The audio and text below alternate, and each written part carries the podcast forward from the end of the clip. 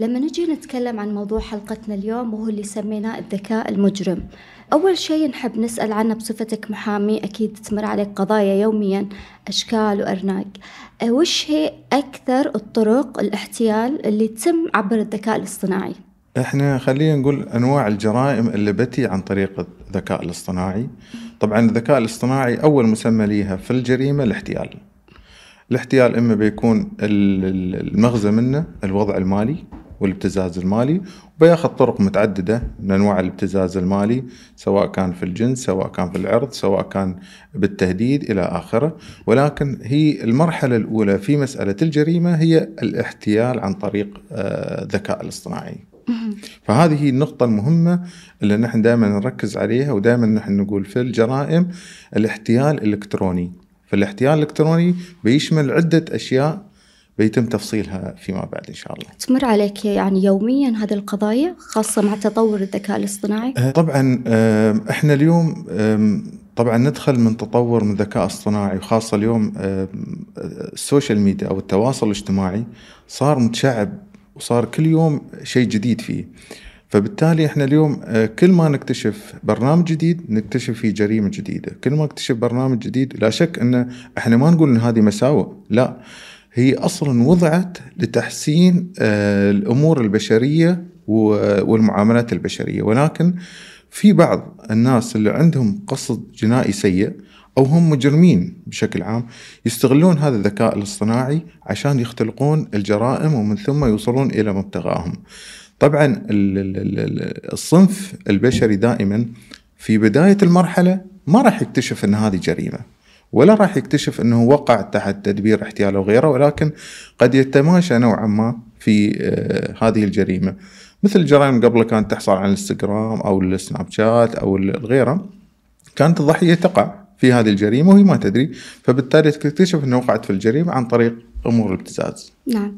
آه الآن طبعا آه استنساخ الأصوات من قبل ضعاف النفوس أصبح متاح للجميع وممكن تكون التطبيقات أصلا على الإنترنت مجانية أه، شلون تتم هذا الاحتيال بالضبط اللي هو الاستنساخ الصوت؟ إحنا دائما وهل يعني إذا مرت عليك قضايا سمعت عنها في المحكمة نعم. أو أه، إحنا دائما نسمي أي استنساخ انتحال صفة فانتحال الصفة بيكون إما عن طريق الصوت إما عن طريق الشكل إما عن طريق الصفة العامة بمنصب أو غيره لما يكون آه، الصوت يؤخذ مأخذ آه، الشخص هني بيكون عبارة المحتال هذا أو اللص أو المجرم آه، أخذ الصوت علشان يبدأ في جريمة. يمكن قبل تقريبا أسبوع والله أنا يعني في شخصية إعلامية كبيرة كنت أتابعها فاكتشفت إن ماخذين صوته لأجل دعاية آه، لدواء معين. وهو بنفسه تكلم إن هذه الأدوية أنا ما آه، سويت عليها دعاية ولا أنا تكلمت فيها ولا أنا أصلا أعلنت فيها. ولكن أخذ صوتي من الذكاء الاصطناعي وتم وضع الإعلان بصوتي أنا. فبالتالي كان يحط تنبيه للناس أو المتابعين إن يا جماعة ترى هذا مش إعلان مالي. ولا أنا هذا صوتي. لكن أنا أخذ صوتي حتى يأخذوا فيه ارتكاب جريمه وأنا بتخذ إجراءات قانونية ضد من آه، سوى هالمرحلة. نعم. أه طيب الآن يعني نسمع الاستنساخ الصوتي اللي يستغلون فيه مثلا الأطفال المراهقين ويبتزوا ذويهم. أه المشكلة إن إن الآن يعني تطبيقات التواصل الاجتماعي ال social media تخلي الشخص اللي يتابع هذا المراهق أو الطفل يعرف كل تفاصيل حياته أو يعرف حتى مين ذويه مين أهله عن طريق لو منشن لو تكلم. آه، شلون الناس ممكن يستخدموا وسائل التواصل الاجتماعي بدون ما يكونوا عرضة إنهم يقعوا ضحايا لهؤلاء؟ إحنا دائما نركز آه، بشاير على وسائل الإعلام مثل هذه البرامج. مثل التوعية في الجرائد مثل التوعية على السوشيال ميديا. نقول دائما احذروا من الأطفال بخصوص الألعاب مثلا على سبيل المثال اليوم الألعاب الإلكترونية تأخذ مأخذ الذكاء الاصطناعي بشكل عام. آه، الطفل اليوم لما يدخل في لعبة إلكترونية هو يأخذ اللعبة كأنها مرحلة قتالية أو حرب. ولكن في المقابل هو يزرع في نفسه نوع من العنف نوع من الضغينة نوع إنه في النهاية بيوصل إن مرحلة القتل عنده عادي وربما نحن سمعنا في بعض الدول إن بالفعل صارت جرائم من أطفال على ذويهم على أساس إن موضوع القتل وموضوع ال ال ال ال ال الألعاب الإلكترونية اللي صارت.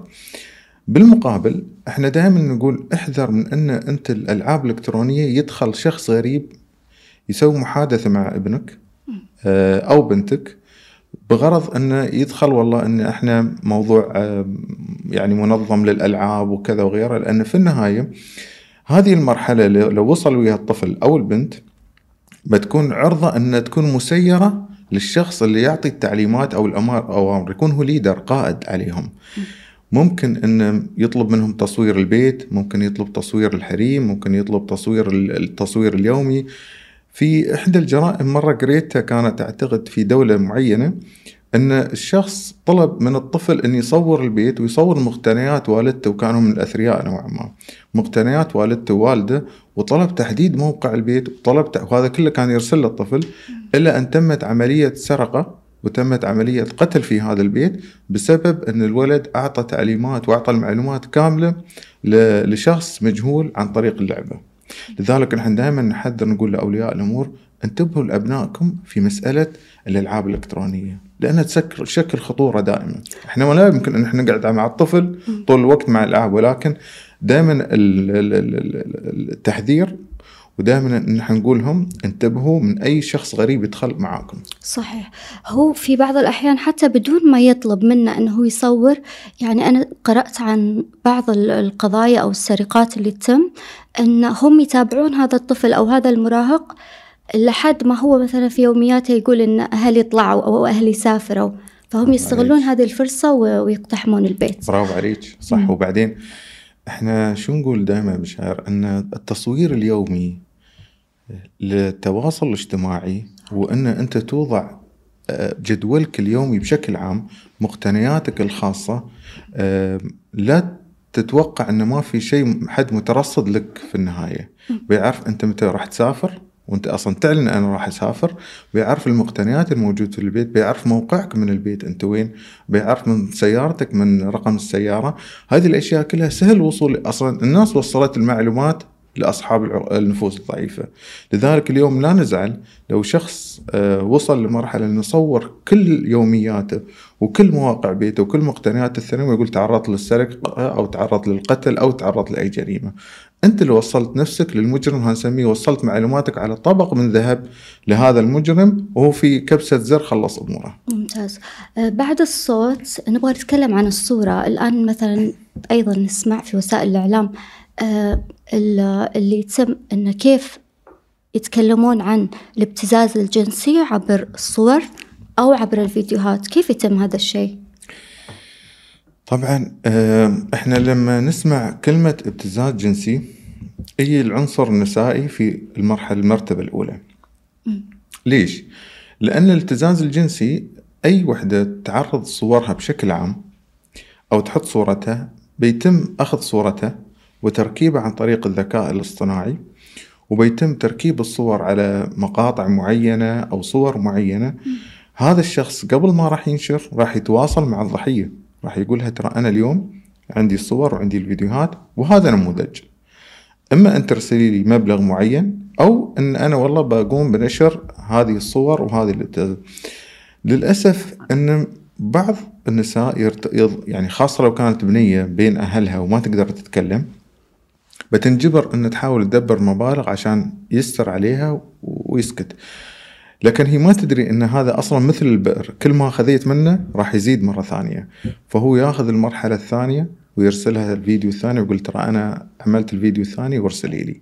هذه عملية الابتزاز المفروض من البداية أي شخص يقع في ابتزاز جنسي آه، لامرأة أو لطفل يجب أن لا يرضخ لهذا التهديد. من البداية يبلغ الجهات الأمنية في الدولة اللي هو يقيم فيها مباشرة ومن ثم هم بيتخذون الإجراءات القانونية في هذه المرحلة. في بعضهم انتحروا. يعني هي ما قدرت أو يعني أنا اللي قرأتها بصراحة واجد رجال مو بس نساء. وخاصة الحين يعني في هذا الوقت إنه ما ينكشف إن هذا فعلا مثل قبل مكشوف فوتوشوب. الحين يبين إنه فعلا حسب يعني للواقع. برمجيات أي الذكاء الاصطناعي المتطورة انه صار مطابق للواقع فعلا. طيب خلينا نفترض إن جتك ضحية معرضة أو أو ضحية يعني رجل تعرض للابتزاز الجنسي عبر برمجيات الذكاء الاصطناعي. نعم. هو ما هو بعارف مين هذا الفاعل؟ أوكي. أنت وشلون ترفع قضية وهذه القضية ترفعها على من؟ طيب. إحنا عندنا أمرين مهمين. الأمر الأول هل الشخص اللي يبتزك داخل الدولة أم خارج الدولة؟ في حالة أن الشخص داخل الدولة سهل الحصول عليه عن طريق الجهات الأمنية. آه، أكيد بلا شك ان شوفي نحن دائما نقول قاعدة كل لص مهما كان ذكاء يترك أثر. ما في لص ذكي. فبالتالي أي مجرم راح يترك أثر لجريمته. ليش؟ هو مأمن على مسألة الجريمة ومأمن على أن الضحية ما راح تكتشف أي شيء. فبالتالي مجرد ما يتواصل معها 100% راح يتواصل على رقم حساب أبعثي لي على هذا رقم الحساب. أو أنه راح يسأل عن طريق رقم موبايل أوكي؟ يقول لها والله عن طريق هذا الموبايل أنا أرسلت الفيديوهات أو عن طريق إنستغرام معين الإنستغرام أي برنامج تواصل اجتماعي. لا شك أن اليوم أي برامج من برامج التواصل الاجتماعي فيها تتبع في أي دولة. وسهل الحصول على الجهات الأمنية أن تعرف موقع هذا الجهاز ومكان اللي أصدر منه الفيديو. فبالتالي هني من تبلغ الجهات الأمنية مباشرة راح يلقطوا هذا الجهاز. هذا راح نتكلم إلى كان إذا كان داخل الدولة. إذا كان خارج الدولة صارت اليوم بعض الاتفاقيات ما بين وزارات الداخلية ببعض الدول بمجرد أن الشخص يرسل رقم الحساب يتم تحديد الدولة المستقبلة لهذا الحساب. عن طريق أي دولة. فبالتالي يتم مراسلته إيه، من من جهات ال- الإقسام الانتربول آه، أن هذا رقم الحساب هذا رقم حساب شخص مبتز فبالتالي يشيكون منو الاسم وتم القبض عليه. فيتم الإبلاغ عن طريق الانتربول ومن ثم يتم القاء القبض عليه. هو طبعا خارج بلده أو في البلد اللي هو فيه بيطمئن انه بالفعل ما في حد يراقب لأنه هو آه، اختار ضحية خارج بلده. إنما اليوم صارت السلطات الأمنية لها ربط مهم جدا في مسألة اكتشاف الجريمة. وهذا يعني نحن نقول دائما الجهات الأمنية تسعى دائما في كل الدول أن تكون فيها تعاون وربط فيما بينهم اتفاقيات شراكة في مسألة تبادل المعلومات الإجرامية. بس في بعض برمجيات الذكاء الاصطناعي إنه من الصعب يوصلوا لهم خاصة أنه كل ما يتطور. في جدل آه، في الولايات المتحدة وفي أوروبا عن موضوع أنه ممكن يكون هناك أو sorry أنه ما يكون هناك متهم لوقوع جريمة ما. يعني ما حيكون في متهم. بسبب آه، الذكاء الاصطناعي قاعد يطور أدواته آه، plus أن البرمجة البشرية ما هي بقادرة تلاحقه آه، ولدرجة أنه ممكن يستخدمون روبوتات لتنفيذ عمليات. مثلا لتنفيذ اعتداءات لتنفيذ جرائم قتل لسرقة. طب هنا يعني وشو الحل؟ آه. أنا قبل تقريبا شهر أو أكثر آه، قريت تقارير عن آه، مسائل اللي بتكون متعلقة بالذكاء الاصطناعي. إحنا وأنت قلتي كلمة مهمة إن هذا من صنع البشر. Okay. ما دام هو من صنع البشر اذا هم بيحطون في كل آه، تصنيع للذكاء الاصطناعي مثل معلومة أن نعرف أن الجريمة وقعت من هذا من هذا الريبورت أو من هذا الذكاء الاصطناعي. يمكن في السابق لو نرجع قبل 20 سنة هل كنا بنعتقد أن بنحصل آه، مجرم عن طريق الإنستغرام أو عن طريق سناب شات أو نحدد موقع؟ ما كنا نقدر ما كنا نتوقع. ما كنا نقول أن اليوم هل بيتم تحديد موقع المجرم هذا في كبسة زر وين مكانه وين رقم تليفونه؟ هذا صعب كان. اليوم أصبح سهل. فبالتالي إن التواصل اليوم التواصل في موضوع موضوع الذكاء الاصطناعي لابد إن بتكون كل شركة مصنعة للذكاء الاصطناعي ولا شك انه بيكون هناك آه، مثل شيب أو شريحة بتعرف من وين صدرت المعلومة. مثل الموبايل جهاز التليفون. جهاز التليفون جهاز آمن مكشوف مباشرة في الموقع والمعلومات. اذا لابد أن يكون ذكاء اصطناعي في تصنعه أه، صعب أن إنسان يصنع ذكاء اصطناعي بتكون الروبوتات من شركات والشركات بتكون معروفة وبتكون آم، عارفة كل ريبورت وين وصل وشو الحالة. ممكن أنا حتى أقول لك بعد فترة أن كل تصرف من الريبورت هذا بيكون معروف للشركة نفسها. في بعض آه، أنظمة التواصل الاجتماعي عندي ريبورت كامل عن المتابعين شو أرسلوا شو ما أرسلوا شو الصور شو التخاذي إذا نحن اليوم نقول مهما كان الذكاء الاصطناعي متطور في حد ذاته إلا انه لابد انه بيكون في حالة تتبع حتى تحمي البشرية، الذكاء الاصطناعي صنع لحماية البشرية، لحماية البشر، لمساعدتهم في أمورهم اليومية، ما صنع للجريمة، ولكن بيكون تحذر من هذه الأمور في مسألة تتبع الذكاء الاصطناعي وكل شركة شو صنعت من ريبورتات. أه طيب الآن يعني ممكن حنا نقول أن الذكاء الاصطناعي ساعد على تطور الجريمة؟ 100% أتفق معك أه ولكن إحنا لا ننسى شيء واحد إن كل جريمة أه تكتشف أه يعني يمكن يتبعها تشريع قانوني وراه مباشرة. كل جريمة تكتشف إجراءات أمنية متبعة أه جديدة من أول وجديد. لما تي أي جريمة في أي دولة مباشرة الشرطة تدرس حالة الجريمة كيف وقعت الجريمة شو سبب وقوع الجريمة فبالتالي تاخذ إجراءاتها الاحترازية قبل وقوع الجريمة حتى ما تقع مرة ثانية. كذلك الدول في في حالات مثل هذه تنظم تشريعات قانونية مباشرة حتى تحد من وقوع هذه الجرائم. إذا اليوم نحن نكون بصدد سواء كان ذكاء اصطناعي أو غيره عندنا أمرين. الجهات الأمنية في دول العالم كلها والمشرع القانوني في دول العالم كلها. بس المشرع هل يقدر يواكب هذا التطور السريع للذكاء الاصطناعي؟ يعني هو يعني في كل خلينا نقول في المنطقة وفي العالم. هو قادر يلاحق هذا التطور؟ أكيد راح يلاحقه. يعني شوفي دائما المشرع ما ينظر للأسفل المشرع دائما ينظر للأعلى. فمجرد المشرع يربط جريمة بجريمة بجريمة هني يحاول مباشرة لازم يشرع قانون طارئ سريع جدا عشان معاقبة هذا المجرم. وإلا بيتم إلقاء القبض على هذا المجرم في ظل عدم وجود عقوبة في ظل عدم وجود قانون. فبالتالي هني اليوم مجرد ما يتم إلقاء القبض عليه بيكون قانون ضده وعقوبة ضده مباشرة. لكن في جرائم سابقة ما واكبت يعني تأخروا في إصدار كثير بصراحة ما يحد يعني في في خاصة أول ما بدأت الجرائم الإلكترونية أتفق معك. غير تذكر موضوع المخدرات لما كان أي حد مثلا يتعاطى ترامادول أو غيره صح. بعدين حسبوه إنه من ضمن الأعشاب. يعني في تأخر لحد ما ياخذ وقت يعني ما هو بسرعة. برافو عليك. إحنا نقول دائما إن المشرع يسوي لينك ربط ما بين قانون قديم وقانون حديث وما بين تشريع جديد. هو مجرد ما يشوف إن الجريمة وقعت في مرحلة معينة وإن المتهم قد لا يعاقب لعدم وجود نص قانوني مباشرة راح يصدر قانون أو تشريع سريع هاي يسمونه مشروع بقانون. المشروع بقانون يختلف عن التشريع. المشروع بقانون يصدر في ظرف طارئ. يعني تجربة هو ولا ولا يعني؟ آه مثلا بقول لك آه قانون الجرائم الإلكترونية لما صدر صدر مشروع بقانون. ما صدر أصلا كقانون. وتم فترة كم يعني؟ وتم فترة يمكن ثلاث إلى أربع سنوات يتعدل. في المنطقة أيوة يتعدل يتعدل يتعدل يتعدل حتى أنه صارت المنطقة بشكل كامل وحدت قانون الجرائم الإلكترونية. ليش؟ بمجرد أن ما عرفت أن الجرائم موجودة ثابتة فيها. كل جريمة تتطور يتم تشريعها كل جريمة تتطور يتم تشريعها. فبالتالي أي مشرع راح يشوف الجرائم كيف تواكب نفسها وراح يصدر قانون سريع جدا حتى يعاقب في المتهم. الحين بالحديث عن الروبوتات في البعض يقول إن هي ما راح تحل محل البشر. خاصة في المهن اللي يكون فيها خبرة يعني مهن معينة مثل الصحافة على سبيل المهن اللي فيها خبرة. هل في المستقبل راح تستعين في روبوت؟ يعني يساعدك في المكتب أو شريكك أو قاضي ريبورت خلينا نتكلم كذي إيه. Okay.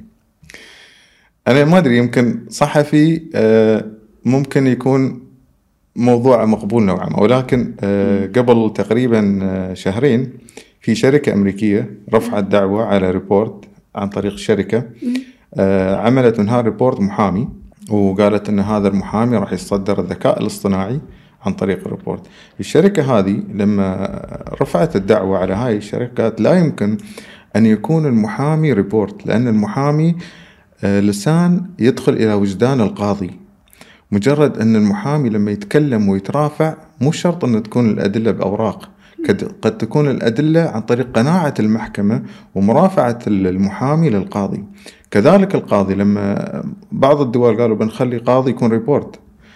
لا يمكن مستحيل أن يكون في قاضي ريبورت ما دام أن البشرية تمشي على مسألة القناعة والوجدان.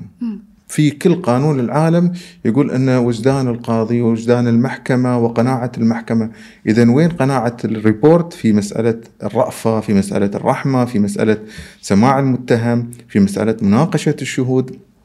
لا يمكن مستحيل. ممكن. اليوم أنا أقول لك انه أنا أستعين بريبورت داخل مكتبي حتى ينظم ال files. أنا قلت يساعدك يساعدني بس ما يحل محل لأن أنا الواقع اللي صارت قالوا محامي راح يكون ريبورت. صحيح. هو يعني إنه عندهم لأنه روبوتات الحين مثلا عندها السرعة في إعداد البيانات إعداد القضايا تحليلات فممكن الاستعانه فيها حتى في المحاكم. على كلامك اليوم بعض المطاعم آه، تعمل بالريبورت آه، تطلب بال iPad ال robot روح يوصل لك الأكل لغاية الطاولة عندك وروح يقدم لك الأكل أنت تاخذ الأكل مباشرة ساخن من عن طريق الروبوت ويرجع مرة ثانية. مباشرة. هذا سهل. كعامل مساعد الريبورت يساعدني في مسائل آه، فنية ما في مانع. أما انه يساعدني في مسائل أو يحل محل آه، أي شخصية سواء طبيب صحفي محامي قاضي آه، عضو نيابة ايا كان استحالة. يعني ما يمكن أن الإنسان يتخلى عن العنصر البشري في أي طريقة كانت. طيب الحين بننتقل على البرامج الدردشة الآلية مثل ChatGPT اللي اللي طورته شركة OpenAI مدعومة من مايكروسوفت. هذا البرامج برنامج الدردشة آه، بدأ في تشهير في الآخرين آه، بدأ في تشويه سمعة الناس من خلال يعني طرح الأسئلة عليه أو أو الدردشة وسمعنا في الآونة الأخيرة عن يعني كذا خبر صار عن آه، في هذا الموضوع وأيضا نشر أخبار مغلوطة آه، هل يمكن للقوانين الحالية أنه تردع عمل برامج الدردشة أو تطبيقات الدردشة هذه ومقاضاة المسؤولين عنها وهل يمكن تعويض المتضررين؟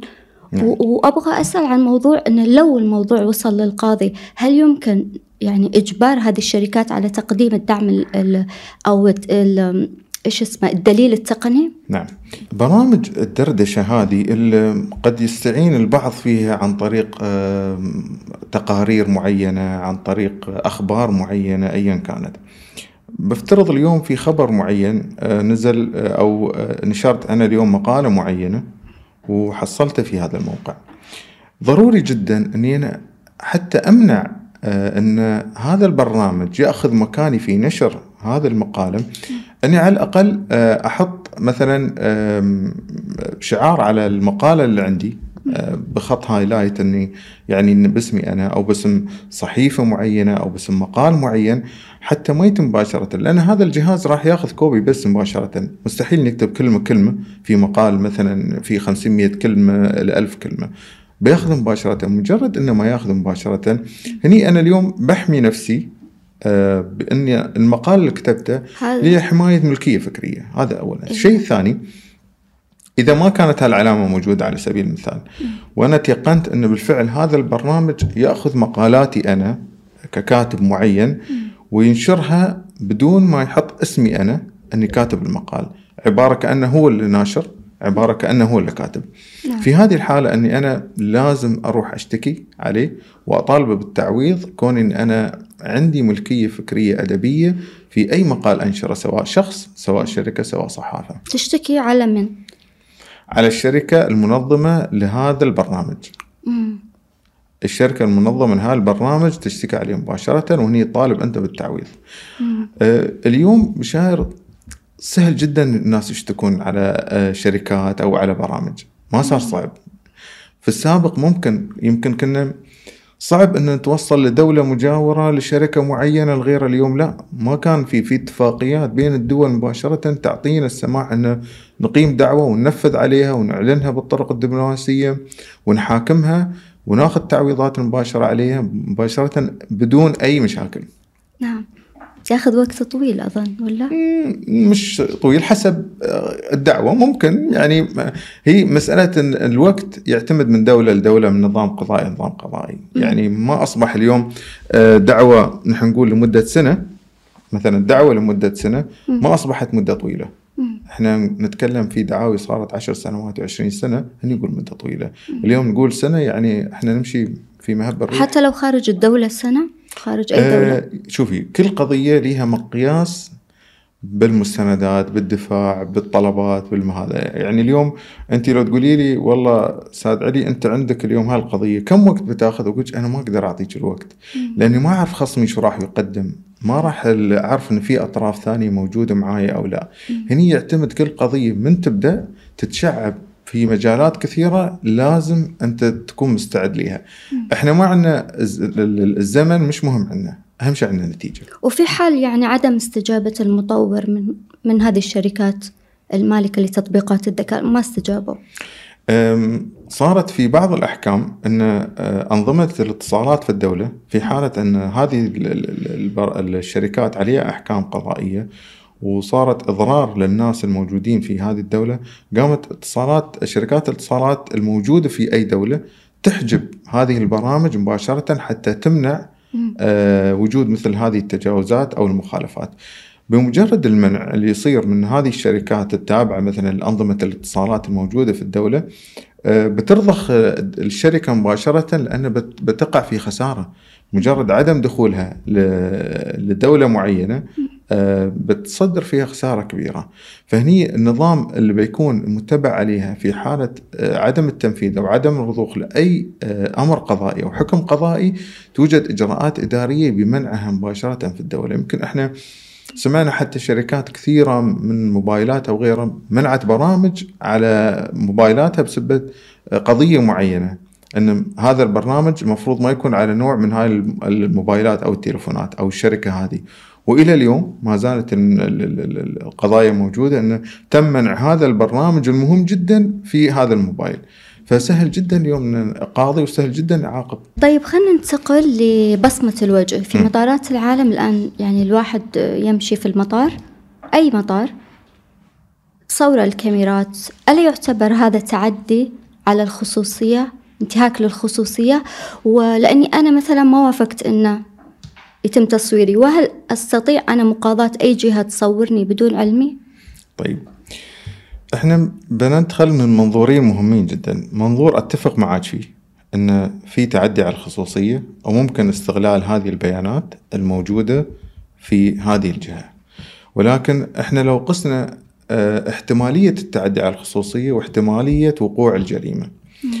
لو دخل شخص مطار مشتبه فيه وهذا مشتبه خطير جدا وركب معك على الطيارة بدون ما يتم فحصه أو كشف هويته.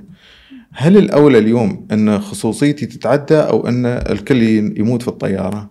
إذا أنا أتكلم عن جانب الحفاظ على الأرواح أولا ومن ثم موضوع الخصوصية أقل أهمية. هي مهمة جدا لك ولكن أقل أهمية بالنسبة لإعتداء الأرواح. في آه، مثال ثاني. اليوم لو أنت دخلتي مطار معين أنا أتضايق إذا شفت تفتيش. آه، وأنت طبعا إذا شفتي طابور من التفتيش في أي مطار أف في هذه ما يملون من التفتيش تفتيش هني وتفتيش عند الباب وتفتيش كذا. أنا عن نفسي أتضايق وأنا عن نفسي أشوف انه أوف تأخير يعني ولازم أنا أدخل المطار بثلاث ساعات. بس فكرت فيها في يوم من الأيام أو كثر ما نسمعها اليوم. لو بالفعل شخص دخل مادة متفجرة ووصلت هذه المادة المفجره في الطيارة شو الوضع العام بيكون لهذه الدولة أو المطار؟ شو وضع الناس اللي راح يموتون أو تأخذ أرواحهم بالنسبة لوفاة الطائرة لوقوع الطائرة؟ التصوير في مرحلة معينة اليوم لما أنا يكشف هويتي حتى أني أعبر من المطار بسهولة إيجابية صح؟ أم، أنا إنسان ما عندي إجرام ما عندي سجل إجرامي أمشي أشوف اللي دخلوا معاي كلهم إذا ما عليهم سوابق إذا مشيتي واستوقفت شخص جنبك آه، عن طريق الذكاء الاصطناعي وكشفوا أن هذا الشخص مجرم أو متهم أو عليه سوابق أنا بتفكرين بتقول الحمد لله أني موجود هذا البرنامج حتى انه حمى نفسي وحمى الناس الموجودين من شخص مجرم دخل معنا المطار. فبالتالي آه، اليوم آه، وجود آه، الذكاء الاصطناعي في كشف الأشخاص في بعض المطارات أو انه يمشيني في مرحلة سريعة عن طريق الجوازات عن طريق المبنى بشكل عام أو الباء أنا أشوفه جانب مهم جدا ولكن صح يمكن استغلاله. يمكن استغلاله انه ممكن حد يدخل السيستم يشوف فلان دخل فلان طلع آخذ بصمة عينه آخذ بصمة الوجه. أستغل بصمة الوجه هذه. ولكن في النهاية بيعرف أن الجهات الأمنية أو أخذ هذه المعلومات من جهات أمنية. بيكون عبء الإثبات على الجهات الأمنية وهي المسؤولة أن بكرة ما المعلومات هذه ما تطلع نهائيا. وأنا متأكد 100% إنه ومتيقن إنه مستحيل أي جهة أمنية سواء في المطارات راح تكون عرضة أن تاخذ بياناتها وتسرق بياناتها، لأن كل الأنظمة الأمنية ليها حماية بالعكس هم يستغلون ناس الهاكرز عشان يحمون أنظمتهم، يوظفون الهاكرز بمبالغ كبيرة جدا حتى يوظف يوظف عملية عدم آه، دخول هذه الأنظمة وسرقتها.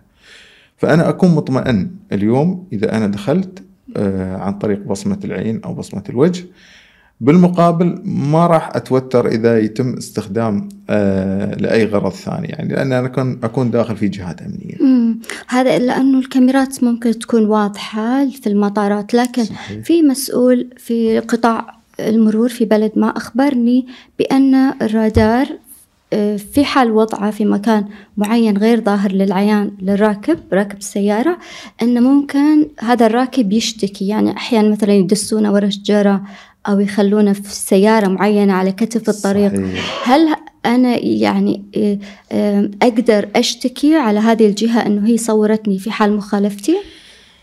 إحنا يمكن بعض الدول تخلت عن موضوع دس الرادار بين الأشجار لأنه اعتبر اعتبرت هذا كأنه إحنا نختلق جريمة ليش؟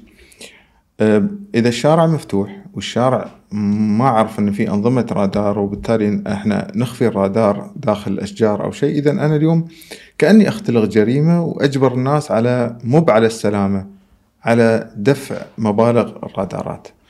فهذه أصبحت ظاهرة. اليوم شبه تختفي واليوم إحنا نشوف معظم دول العالم نعرف إن في رادارات يمكن في أجهزة تكشف الرادارات. اذا اليوم علمي موجود بأنه موجود رادار علمي موجود بأن الشارع له سرعة معينة إذا مخالفتي بتكون صحيحة. أما وأن إخفاء الرادارات داخل اشجار بين السيارات هذه تعتبر كانه خلسة أنا أخذ منك المبلغ وهذا يعني يمكن بعض الدول منعته نهائيا. يمكن ما زالت بعض الدول تمشي عليه ولكن أنا أتوقع بعد فترة يعني المفروض هاي الظاهرة تنتهي لأن قانونيا أصلا ما تجوز ليش قانونيا ما تجوز لأن اليوم ما يجوز أن أنت تختلق الجريمة وتعاقب عليها. أنا اليوم لازم أحط سبل آه، الامتناع عن الجريمه أمامي حتى ما أقع عليها. ولكن أخليها مخفية أقول طيب هذا مسدس وهذا شخص أنت تكرهه إذا تبغي اقتله عبارة. فأنا أقتله وأقول لا أنت تعال متهم بقتل. لا. فبالتالي اليوم أشوف إن هذا موضوع الرادارات اللي كانت في بعض الدول ظاهرة شبه بتختفي بعد فترة. لاني أنا أتفق معك إن هي شبه غير قانونية ممكن نقول يعني. طيب آه، وش تنصح المشاهدين والمستمعين إن هم ما يكونوا عرضة آه، كضحايا ل يعني عمليات إجرامية تمت بواسطة الذكاء الاصطناعي؟ إحنا دائما نبدأ بالنصح من الصغار إلى الكبار. الصغار نقول لهم إن دائما آه، حاسبوا على عيالكم وعلموهم أن ما يداخلون في محادثات مع الغرباء. الأمر الثاني في حالة وجود محادثة مع الغرباء يجب أن الطفل هذا يخبر ولي أمره مباشرة أن في شخص غريب كلمني. في حالة أنه طلب منه أشياء معينة يجب أن يبلغ أهله شو الأشياء الطلبات المعينة. غير هذا وذاك لازم ولي الأمر يتابع طفله أول بأول. دخلت كيف؟ طلعت آه، احدد له ساعات معينة للعب ساعات أكون تحت نظري أنا موجود ما اخليه في البيت لعشر ساعات وهو بروحه. هذا أمر. الأمر الثاني دائما أحاول بقدر الإمكان أن أخلي برامج التطبيق الموجودة على ال social media اللي فيها صوري اللي فيها هذا أخليها خاصة نوعا ما. ليش خاصة؟ خاصة لأن أنا الأشخاص اللي بعرفهم بضيفهم. الأشخاص اللي ما أعرفهم ما له داعي إني أنا أضيفهم. منع باكر من إنه ما يستغل صوتي صورتي وتم أنا عرضة للاستغلال. المترصدين دائما راح يتابعونك راح يشوفونك أنت في السوشيال ميديا واضح وصورك موجودة متنوعة. إذا هو عنده ثروة أنه ياخذ الصورة بكل شك أشكالها بكل ألوانها بكل مواقعها ويشكلها حسب ما يرى. فبالتالي اليوم أنت لازم تحرص على أن حتى الصور الموجودة عندك تحاول تخليها بشكل خاص لمحيطك الداخلي وليس الخارجي. وصلنا لنهاية الحلقة. شكرا جزيلا لك. آه، الشكر لك ويعطيك العافية. حياك الله.